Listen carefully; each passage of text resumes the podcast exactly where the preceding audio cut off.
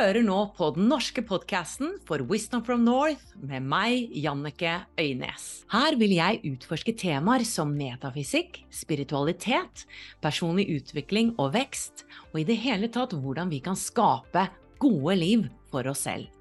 I Wisdom from North brenner vi for å hjelpe deg med å ta din spirituelle vekst til det neste nivået. Derfor samarbeider vi med noen fantastiske lærere og partnere som tilbyr gratis webinarer, klasser og meditasjoner. Gå til wisdomfromnorth.no slash gratis. Ansvarsfraskrivelse. Synspunktene og meningene uttrykket i denne podkasten tilhører gjestene og representerer ikke nødvendigvis de synspunktene eller posisjonene til Wisdom from North eller noen enheter de måtte representere. God fornøyelse! A lot can happen in the next three years. Like a chatbot may be your new best friend. But what won't change? Needing health insurance. United Healthcare Tri Term Medical Plans are available for these changing times. Underwritten by Golden Rule Insurance Company, they offer budget friendly, flexible coverage for people who are in between jobs or missed open enrollment. The plans last nearly three years in some states, with access to a nationwide network of doctors and hospitals. So, for whatever tomorrow brings, United Healthcare Tri Term Medical Plans may be for you. Learn more at uh1.com.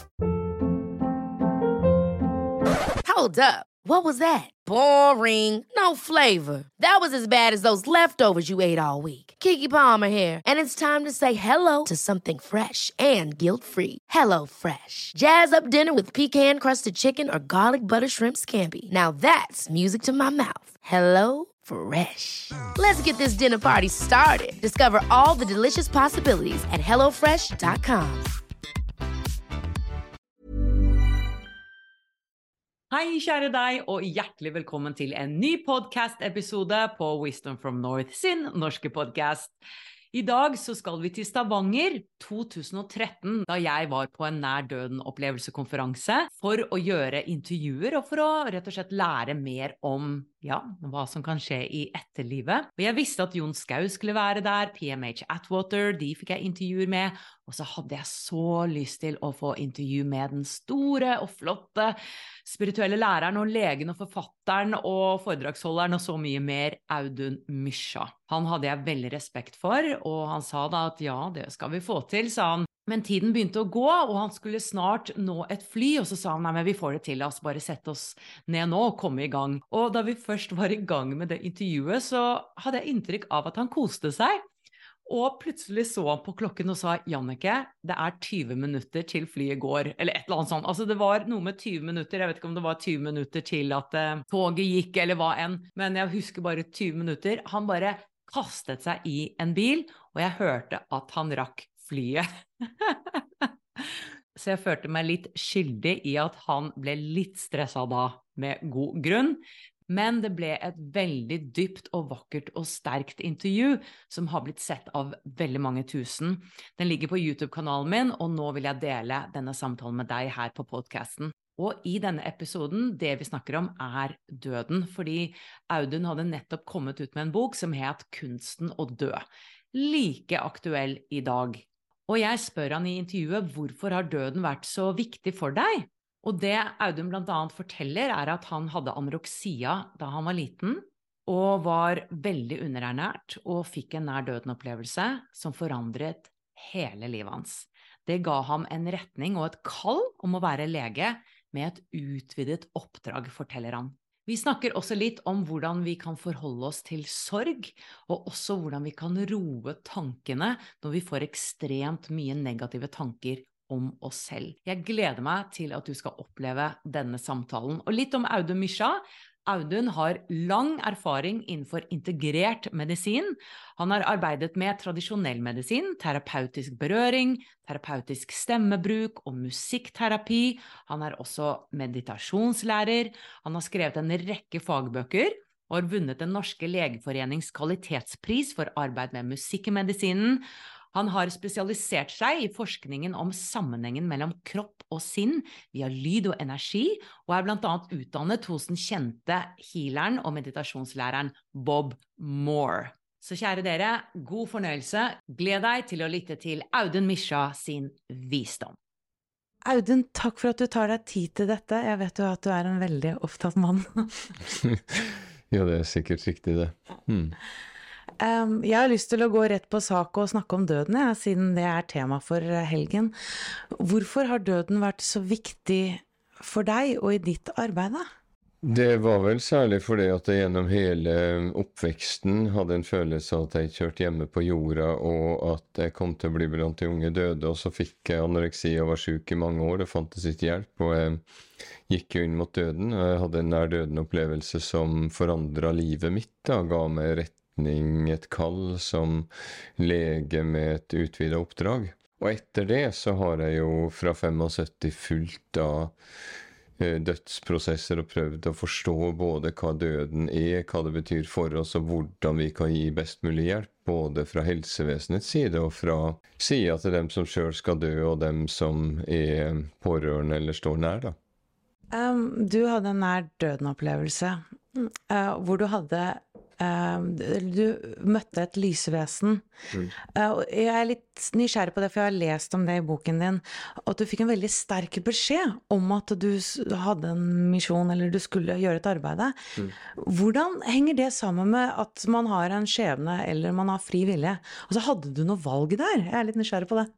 Det blir jo litt som mange som har hatt nær døden-opplevelser, som opplever det her valget om enten å gå videre eller vende tilbake. Men så er det noe som drar en tilbake.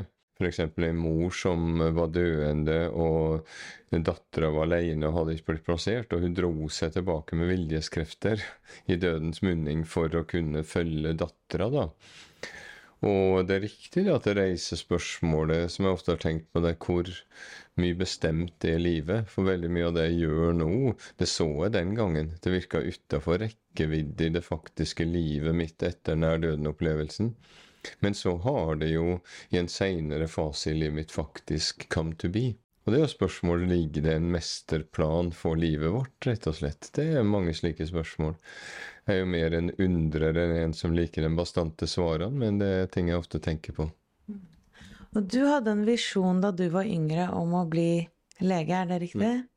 Kan du forklare eller fortelle litt om den prosessen og den visjonen, og hvordan eh, Ja, du fikk jo en del motstand i forhold til den visjonen du hadde. Jo, jo. Ikke mer enn å forvente for den visjonen jeg hadde, var ganske stor. Og for, for den tida så var det noe som ikke fantes, nemlig det med en medisin knytta mer til det åndelige, til en åndelig bevissthet eh, inn i medisinen. Og det er et oppdrag som aldri har forlatt meg. Det har faktisk vært stabilt. Men det er klart det har vært mange utfordringer i å møte medisin. Men først og fremst har det for meg å være i helsevesenet, det å få lov å jobbe med menneskers virkelige ting. Engasjementer som aldri slutter. Altså det er liv, død, kjærlighet, helse, sykdom. Det er jo temaer som aldri forsvinner. Jeg er veldig glad for at jeg har eh, sluppet å jobbe med noe likegyldig. Mm. Jeg er ikke så veldig god på smalltalk, så jeg er veldig takknemlig for det at jeg har fått være sammen med mennesker i forhold til det som virkelig betyr noe. Mm. Tror du alle har en oppgave i livet? En spesifikk oppgave? Jeg tror at vi er unike, og at vi derigjennom også søker et unikt uttrykk. Og vi blir forløst i den grad vi vi klarer å uttrykke det i verden. Nå er det sånn at noen mennesker er litt mer allmenne i sin legning. Den kan brukes til mye. Og noen er litt mer spesifikke, f.eks. det som mange kaller kunstnernaturene. De er slik at kanskje så må de gjøre det, ellers så blir de sjuke, rett og slett.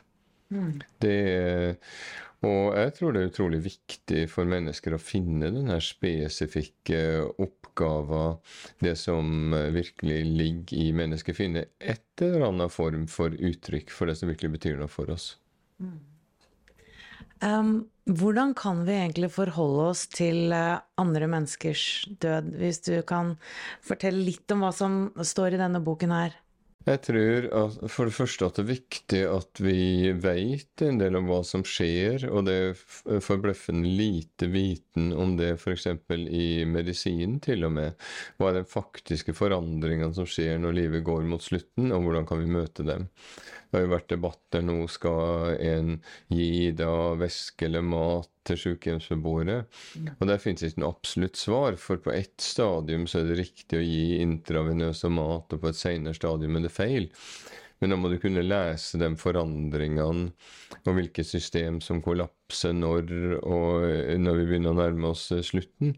Og slik kan vi rett og slett kunne gi skreddersydd veiledning. Det er en drøm jeg har, at vi kan sette inn de rette beskjedene, vi kan gi de rette håndgrepene, vi kan være på den rette måten overfor den enkelte, alt ettersom hvor de er. Eh, på noen steder er det veldig viktig å forklare med ord, på andre stadier så må ordene være veldig enkle og nesten ikke-eksisterende, f.eks. Så, så det er en viten som jeg kaller kunsten å dø, som jeg er opptatt av at kommer ut. Hvorfor tror du vi er så redde for å snakke om døden, og snakker så lite om det?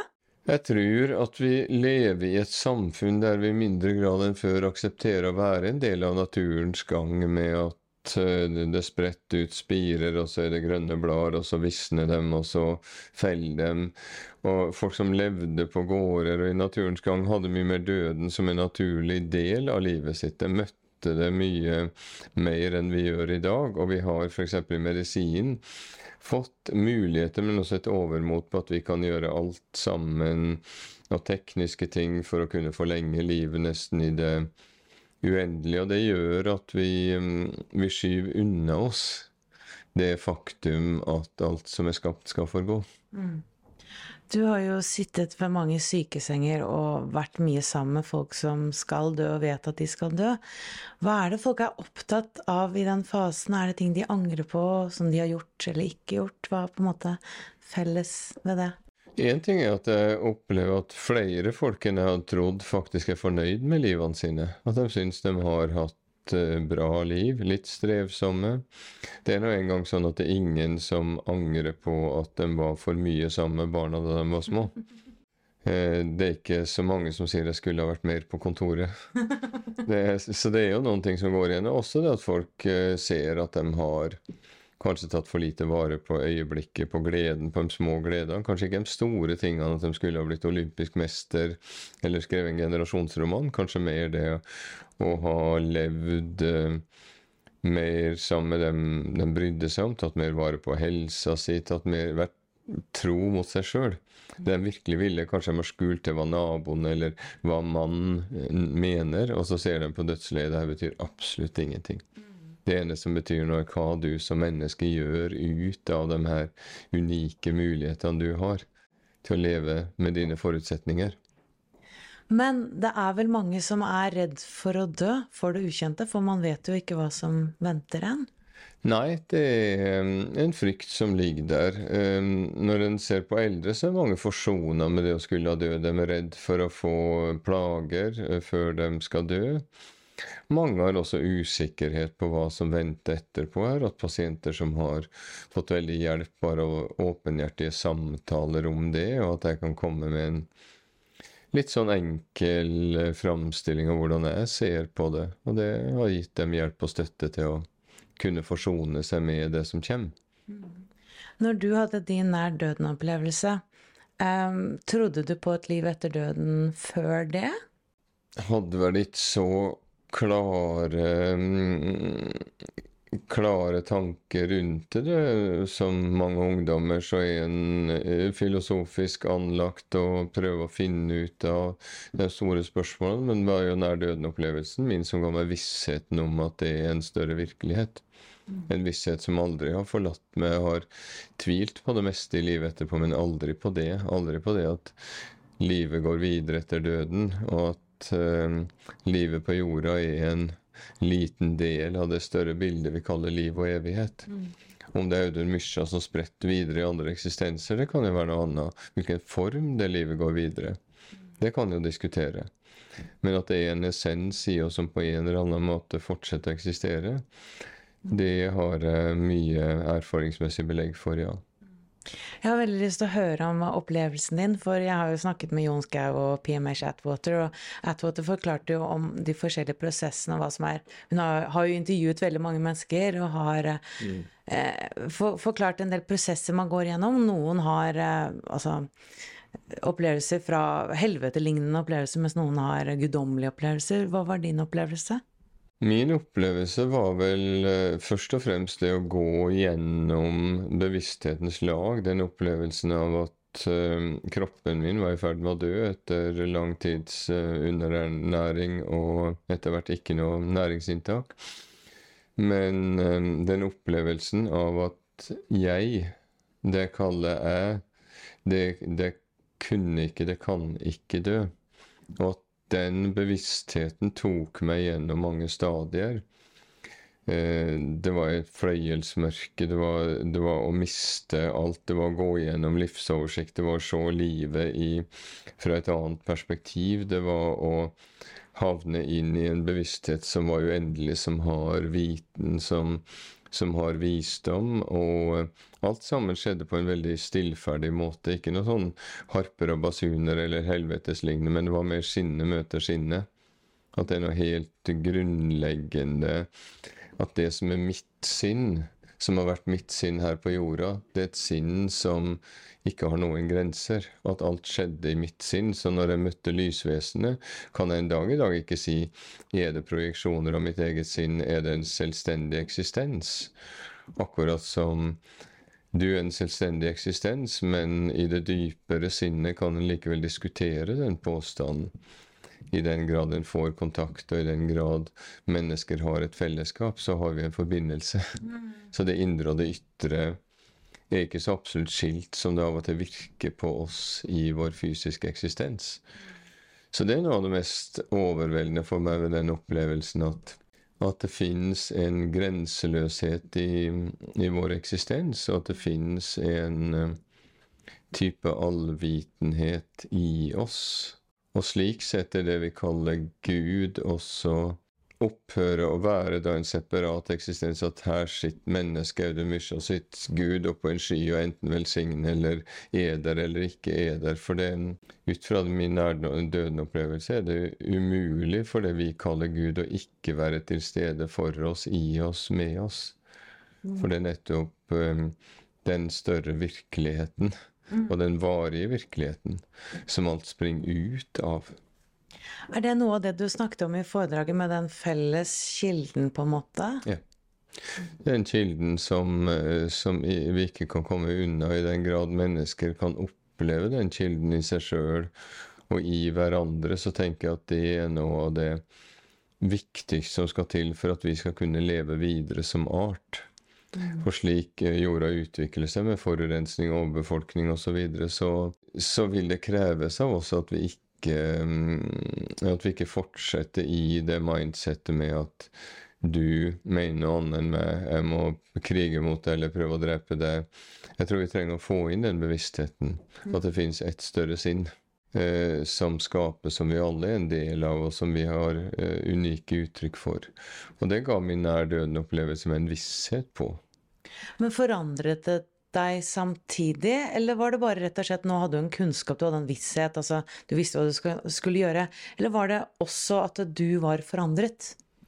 Alle så at jeg var forandra når jeg kom tilbake, og eh, livet mitt var jo veldig kaotisk før den nærdøden oppleves, også framkalt av min mangeårige sykdom og tvangshandlinger og den slags, da. F.eks. det at jeg i mange år ikke kunne spise sammen med andre, eh, og alltid stjal mat om natta isteden. Eh, og um, slike, um, slike handlinger. Mens eh, etter at jeg hadde hatt den nær døden-opplevelsen, så En konkret ting var jo at um, alle åndelige bøker ble veldig lett forståelig for meg. Mm. Eh, det var som å lese Donald-blader. Rett og slett de mest kompliserte åndelige tekstene fra de store religionene. Og sånn har det vært siden. Det har aldri vært noe big deal, egentlig. Og så var det også det at jeg hadde en veldig klar eh, kallstanke i meg at det at jeg fikk muligheten til å leve, og det var en type kontrakt. Mm. Og det, det, har holdt. Jeg tenker at Hvis det hadde vært en suggesjon, en emosjonell suggesjon som vi setter inn, så varer det en kort tid. F.eks. vi setter oss fore nå skal vi gjøre det, eller bli et bedre menneske, eller alt det der, og så varer det kun kortvarig. Men det her har holdt resten av livet. Så det som fascinerer meg med nær døden-opplevelsen, er varigheten av det som springer ut fra den pulsen. Mm. Så det er vel den største forandringa, det at jeg har hatt en veldig klar bestemmelsestanke. Og jeg så meg jo før min nær døden-opplevelse i alle år som en av de unge døde.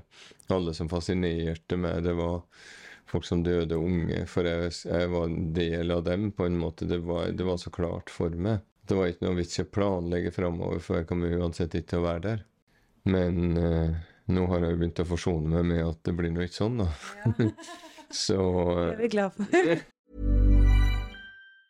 Jewelry isn't a gift you give just once. It's a way to remind your loved one of a beautiful moment every time they see it. Blue Nile can help you find the gift that says how you feel and says it beautifully with expert guidance and a wide assortment of jewelry of the highest quality at the best price. Go to BlueNile.com and experience the convenience of shopping Blue Nile, the original online jeweler since 1999. That's BlueNile.com to find the perfect jewelry gift for any occasion. BlueNile.com.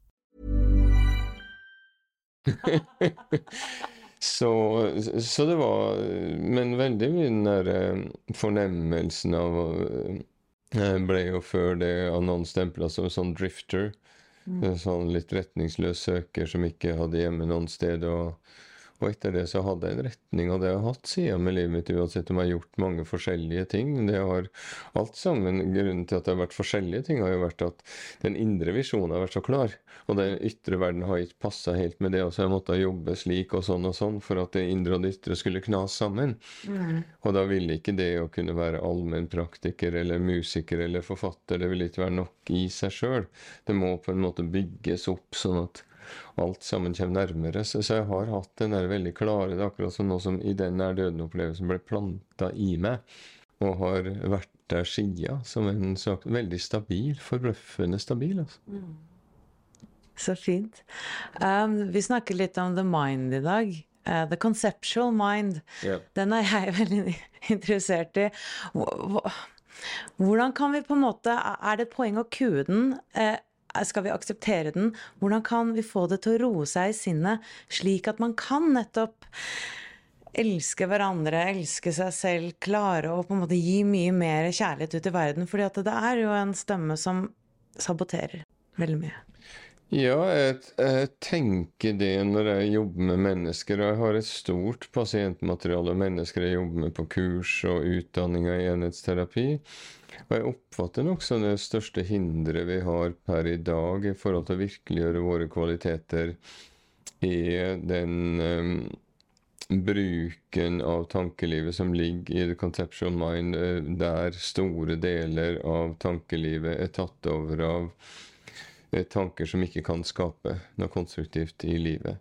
Isteden brukes tankelivet til å holde ved like emosjonelle mønstre som dårlig sjølbilde. Så det jeg prøver å utvikle av metoder Jeg tar det jeg kan finne overalt av metoder som kan virke til å til å håndtere, løse opp traumer, psykologiske sår, stilne sinne.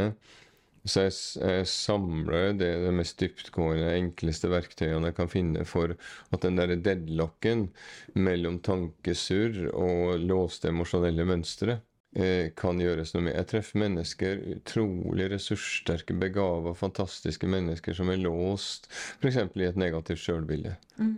At det er ingenting verdt. Verdiløs, verdiløs. Og um, der tror jeg på verktøy. Mm. Eh, jeg tror at det å kunne sette inn litt hver dag på å gjøre enkle øvelser i forhold til tankestøyen. Bare å kunne gjøre sånn babling blablabla, bare for å lade ut noe. Det, det, det er bare ett av hundre eksempler på slike enkle, gode verktøy som du kan bruke når, når du trenger det. Og da vil mennesket bli fristilt. Da tenker jeg det er naturlig for mennesket å leve i essens, å leve i nærvær, å leve i det beste i seg sjøl. For jeg tror vi alle lengter etter å bruke det beste i oss sjøl. Mm ondskapen i menneskelivet er veldig sjelden. Altså det, det, meste er emosjoner på avveie og grunnleggende mønstre. Folk som blir sjalu, krenka, redde, sinte osv. Og, og, og jeg tror det å få gitt mennesker viten og verktøy er en av de største oppgavene i vår tid. Det har jo vært vist at voldsmenn i fengsel, hvis de bare får ordentlig mat og får gjort noe med blodsukkeret sitt, regelmessige måltider, så synker voldsepisodene dramatisk. Altså det Jeg skal ikke forenkle ting eller gjøre det veldig greit, men, men jeg tror at hvis en kan begynne nå å komme til tidlig barnehager, skoler og gi mennesker overalt gode verktøy som de kan forstå, som er tilpassa den enkelte, så er det noe jeg tror på i forhold til å kunne snu og kunne nullstille conceptual mind, som er en ferdighet. Som eh, Jeg har jo et liv med mange ansvarsområder og mange oppdrag, og for meg er det en ferdighet som er helt avgjørende. Jeg vil ikke være en dag uten å ha trent opp den ferdigheten til å kunne nullstille the conceptual mind. Ja, du får til det, altså? Ja. Og hva slags verktøy bruker du da? Nei, jeg bruker alle verktøyene jeg tar fram på kurs. Eh, det jeg tar fram på kurs og i utdanning av enhetsterapi, er verktøy jeg har prøvd ut sjøl. Det får til å funke på meg sjøl, begynner å prøve ut på andre. Og jeg er jo lege og forsker, så jeg prøver jo alltid å jobbe vitenskapelig med ting. jeg vet du, Så folk tror, for jeg gjør mange sånne rare ting sånn utenom det vanlige, at jeg gjør et eller annet fantasteri, men i virkeligheten er jeg en av de strengeste forskerne som fins. Faktisk. Så bra. Kan du gi meg noen tips nå? Eh, I forhold til conceptual mind? Ja, bare det der når, når tankene begynner å koke, det å bare Nødløsninga, Nødløsninger, bare det å begynne å holde med hendene i de håndgrepene her til det begynner å pulse. Bare holde mellom panne og eh, bakhode. Eh, og, og mellom hjernehalvdelene over ørene. Og da begynner å bable, som sagt. Eh, og, og også eh, jobbe med kjeven, for der eh, setter seg mye stress og spenning i. Eh, eh, eh, kan virke latterlig, men faktisk setter du da eh, nevrologisk sett eh, en veldig potent sirkulasjon mellom det mest nerverike stedet i kroppen og eh, de her delene av hjernen som har å gjøre med motorisk, altså impulser ut til lemmene. Og da får du det med en gang det som hoper seg opp, med, til å roe seg. Og de her dunkeøvelsene som jeg har i Finn din indre kraft. I Finn din indre kraft har jeg masse øvelser som går akkurat på å stilne conceptual mind. Ja, det er en av dine første bøker? Eh, Det er en av um, bøkene jeg har skrevet de siste årene. Den kom i 2009, og den selger og selger fordi at folk finner noen verktøy. De bruker dem, og det virker. Det er verktøy som eh, i min erfaring hvem som helst kan sette inn, og de merker at ting blir i alle fall bedre. Uten at de trenger å gå i dyre terapier, men at de kan komme i gang med ting sjøl. Og at de har, som en sa, nå har jeg noe som jeg kan ta tak i når det koker som verst. For ah, det er lett for oss å være på vårt beste når vi er på vårt beste. Da har vi alle, alle nyttårsforsettene og alt sånn, og nå har jeg gjort det store gjennombruddet. Nå skal aldri det vanskelige komme inn. og, og eh, den frelsesmytologien er veldig vakker. Men i min erfaring med mennesker så er verktøytankegangen mer holdbar over tid enn den her, de gode forsettene. Så det, det å, få inn et mindset i hele befolkninga, det er et ting vi gjør litt daglig for å kunne eh, komme oss i balanse. Ehm, litt om sorg når man opplever å miste noen som har det vondt, eller annen type sorg. Er det viktig å sørge? Og er det viktig å leve gjennom de følelsene? Hvordan kan man forholde seg til sorg? Jeg tror vi må erkjenne for det første at sorg, følelser, tap eh, rundt eh, dødsfall, det kommer i mange former, og det følger ikke en oppskrift. Eh, Jeg husker da farmora mi døde og jeg ikke gråt, jeg så rundt alle andre gråt, jeg tenkte oi, mislykka sørger. Men i virkeligheten så var det bare en annen måte. altså det var Mine følelser kom i litt andre former og på andre tidspunkt. Jeg tror det er veldig viktig at hvert menneske ærer eh, det som ens eget mønster. Av det er mange som har sittet med foreldre som i mange år har vært dementsyke på sykehjem, kan kanskje føle en lettelse, ikke bare for egen del, men også for den avdøde sin del, at endelig fikk han eller hun slippe. Likevel vil det være et tap, og der kan mennesker eh, ha mange måter å håndtere det på. Noen vil sitte og gråte, andre vil eh, gå skogsturer. Altså det, det å finne sin form, rett og slett. Men det som er absolutt, er at der det blir sittende følelser fast i kroppssinn, som en ikke får arbeida ut på den ene eller andre måten, så vil det over tid eh, skape en organisme som mer og mer går i stå. Fordi at følelser setter seg i kroppen, og det lager små stopp. Og det er ikke mye, men det er liksom som bokserne som får demens eller parkinson. Du får et slag mot hodet, det går bra. Du får to, det går bra, men så etter hvert Så plutselig kommer du over en terskel, så går det ikke bra lenger. Og Derfor tror jeg det er veldig viktig at vi gir mennesker en mulighet til å få følelsene sine ut på en naturlig, eh, naturlig måte. Så vil kanskje enkelte, enkelte menn gå seg en lang skogstur eller noe sånt, og enkelte kvinner vil snakke med venninner, eller omvendt.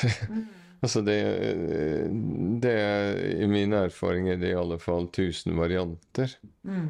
På en sorgprosess, men at vi er klar over at det alltid vil være der i en eller annen form. Går det an å på en måte få denne kunnskapen uten å Vi har snakket mye om det å dø og nær døden-opplevelser, og at det er mange ettervirkninger av det. At folk får annen, et annet bilde av uh, virkeligheten, da. Uh, går det an å få komme dit uten å ha disse opplevelsene? Ja, det er jo et godt poeng for noe. En, en pussig effekt av denne boka 'Kunsten og det' er at uh, plutselig så møter jeg mye misunnelse. Hvorfor fikk du den der nær døden-opplevelsen og den der kalde og forløsninga? Jeg bare går her, jeg har ikke fått noe kall, jeg har ikke fått noe forløsning. Jeg vil ha en nær døden-opplevelse, jeg også. Så jeg tror hvis jeg hadde satt opp noen kurs i hvordan få nær døden-opplevelser, og gitt noen sånne enkle Ja, kanskje jeg skal gjøre det. Litt skummelt? Det er ikke en god idé. Er, altså, jeg skjønner, eh, Og jeg er litt på vakt for at en glamoriserer det også. Faktisk så er det mange som har nær-døden-opplevelser som ikke forandrer dem. Og det er mange som har vonde nær-døden-opplevelser. Det er mange som har vanskelig med å tilpasse seg etterpå. Mm. Jeg har f.eks. Uh, ser i Atwaters arbeid, hun har holdt foredrag på konferansen. Hun snakker om at folk får en større IQ og mer abstrakte evner. Kan være det riktig, men jeg merker etter min nærdøden-opplevelser at uh, alltid, det var vanskelig for meg å fatte hva som var konkret for andre mennesker. For å være konkret. Og, og, og det var et, et eksempel på det har tatt meg mange mange år å forstå hva konkret var. Rett og slett hva som var konkret. Ja, men det er jo bare å være jordnær, sier folk. Jeg, jeg skjønner ikke det. Jeg kan hoppe opp og ned, jeg kan ta oppvasken, jeg kan hogge ved eller alt sånn, men, men, men den forståelse av hva som er konkret, det er bare ett av mange eksempler på at det kan være vanskelig å justere seg. Men, men det er nok riktig at Eh, det jeg trodde var en enestående opplevelse som jeg hadde, en sånn eh, dirrende hemmelighet, viser seg jo skuffende nok å være nokså mainstream. altså at, at, at, mange som har hatt nær døden-opplevelser, har opplevd der at livet er forandra, at en får en slags kall og en retning. Det er ikke sånn, Jeg kan ikke prosentfeste det, men jeg vet i alle fall at det er det er 20% av dem som har nær døden-opplevelser, som opplever at de er helt forandra som mennesker etterpå. Så det er ikke noe særsyn. Hvordan er det, jeg må bare spørre på sykehus nå, er det mer åpenhet rundt dette? Går det an som lege å prate mer om at vet du, nå opplevde jeg at en pasient fortalte meg at de hadde hatt en opplevelse, eller er det fremdeles det holder jeg for meg selv? Eh, folk opplever fortsatt at det er tabuisert, og det går i bølger. Og nå har det jo vært en bølge igjen hvor um, en del uh, militante humanetikere går veldig krast ut.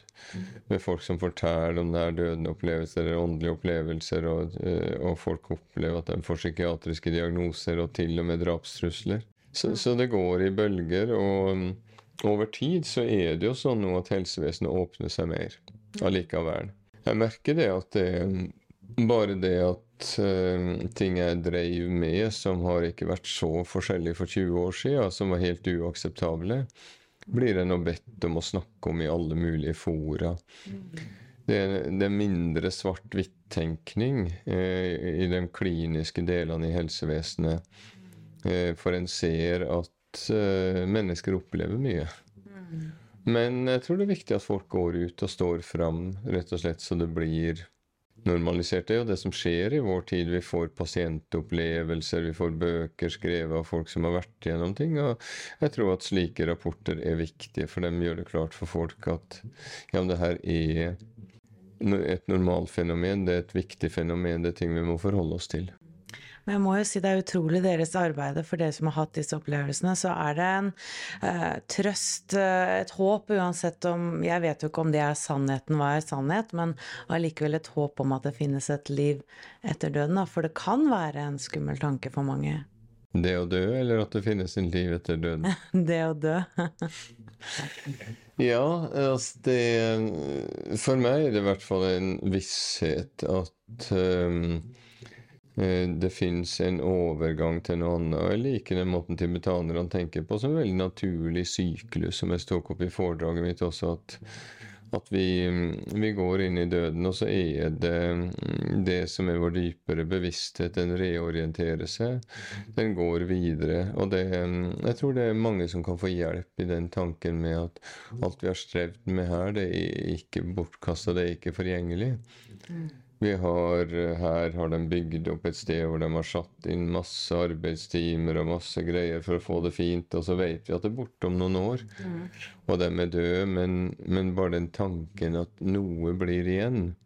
Noe i oss går videre, noe føres videre, slik at en kan uh, gjøre verden litt bedre. Mm. Eller alle verdener litt bedre for alle levende vesener, rett og slett. For alle lengter jo etter noe av det samme. See me, feel me, touch me, heal me. Altså det å forløse seg sjøl, leve fullt ut, oppleve kjærlighet, mening. Og jeg tror at er en visshet om at livet går videre, i en form at det er noe vi tar med oss. At heldigvis så er det ikke prostataplagene og sjalusien vi tar med oss, kanskje. Mm. At heldigvis så er det kvaliteter essens. Jeg tror jo personlig at det skjer en reorganisering etter døden. For jeg har sett at det mest stabile eh, i mennesket eh, mens livet pågår, er de åndelige kvalitetene. Kroppen forandrer seg langsomt, og emosjoner og tanker de kommer og går. Men det åndelige delen av mennesket ser ut til å være forbløffende stabil.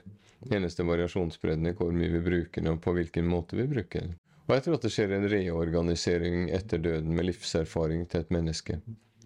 At vi da eh, Det dypere sinnet organiserer seg på nytt i, i en ny form slik at det som går videre Hvis til og med hvis reinkarnasjon er en realitet, så er det ikke Audun Mysja som reinkarneres, men en reorganisert Audun Mysja. Altså de erfaringene eh, som er gjort i livet, gjør at det dypere sinnet mitt blir endra. Mm.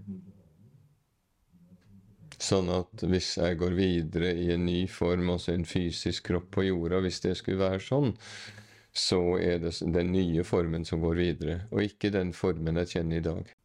Og det syns jeg er så fint å tenke på, at det er et mulig, da. Et design bak det hele. Mm. Det er en mening bak det hele.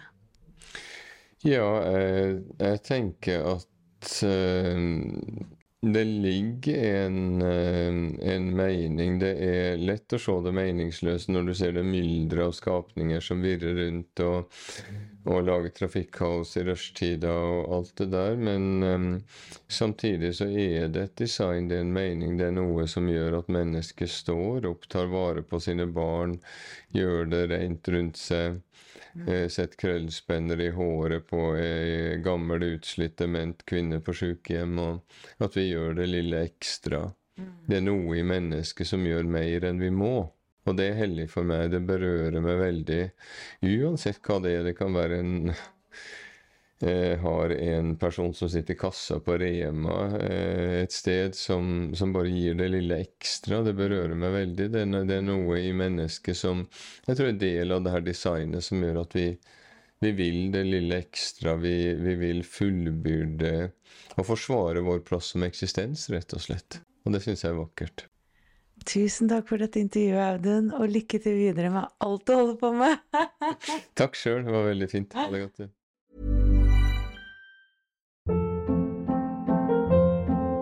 Hold up. What was that? Boring. No flavor. That was as bad as those leftovers you ate all week. Kiki Palmer here, and it's time to say hello to something fresh and guilt-free. Hello Fresh. Jazz up dinner with pecan-crusted chicken or garlic butter shrimp scampi. Now that's music to my mouth. Hello Fresh. Let's get this dinner party started. Discover all the delicious possibilities at hellofresh.com. Mom deserves the best, and there's no better place to shop for Mother's Day than Whole Foods Market. They're your destination for unbeatable savings, from premium gifts to show-stopping flowers and irresistible desserts. Start by saving 33% with Prime on all body care and candles. Then get a 15-stem bunch of tulips for just $9.99 each with Prime. Round out Mom's menu with festive rosé, irresistible berry chantilly cake, and more special treats. Come celebrate Mother's Day at Whole Foods Market.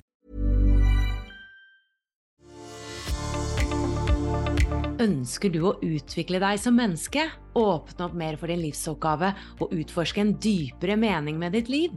Så er du hjertelig velkommen inn i Wisdom from North medlemskap. Og det finner du på wisdomfromnorth.no slash medlemskap. Om du vil gå enda litt dypere, så finner du alle våre norske nettkurs på wisdomfromnorth.no og våre engelske nettkurs på wisdomfromnorth.com. Du finner oss også på Instagram, Facebook og YouTube ved bare å søke på Wisdom from North. Vi høres igjen!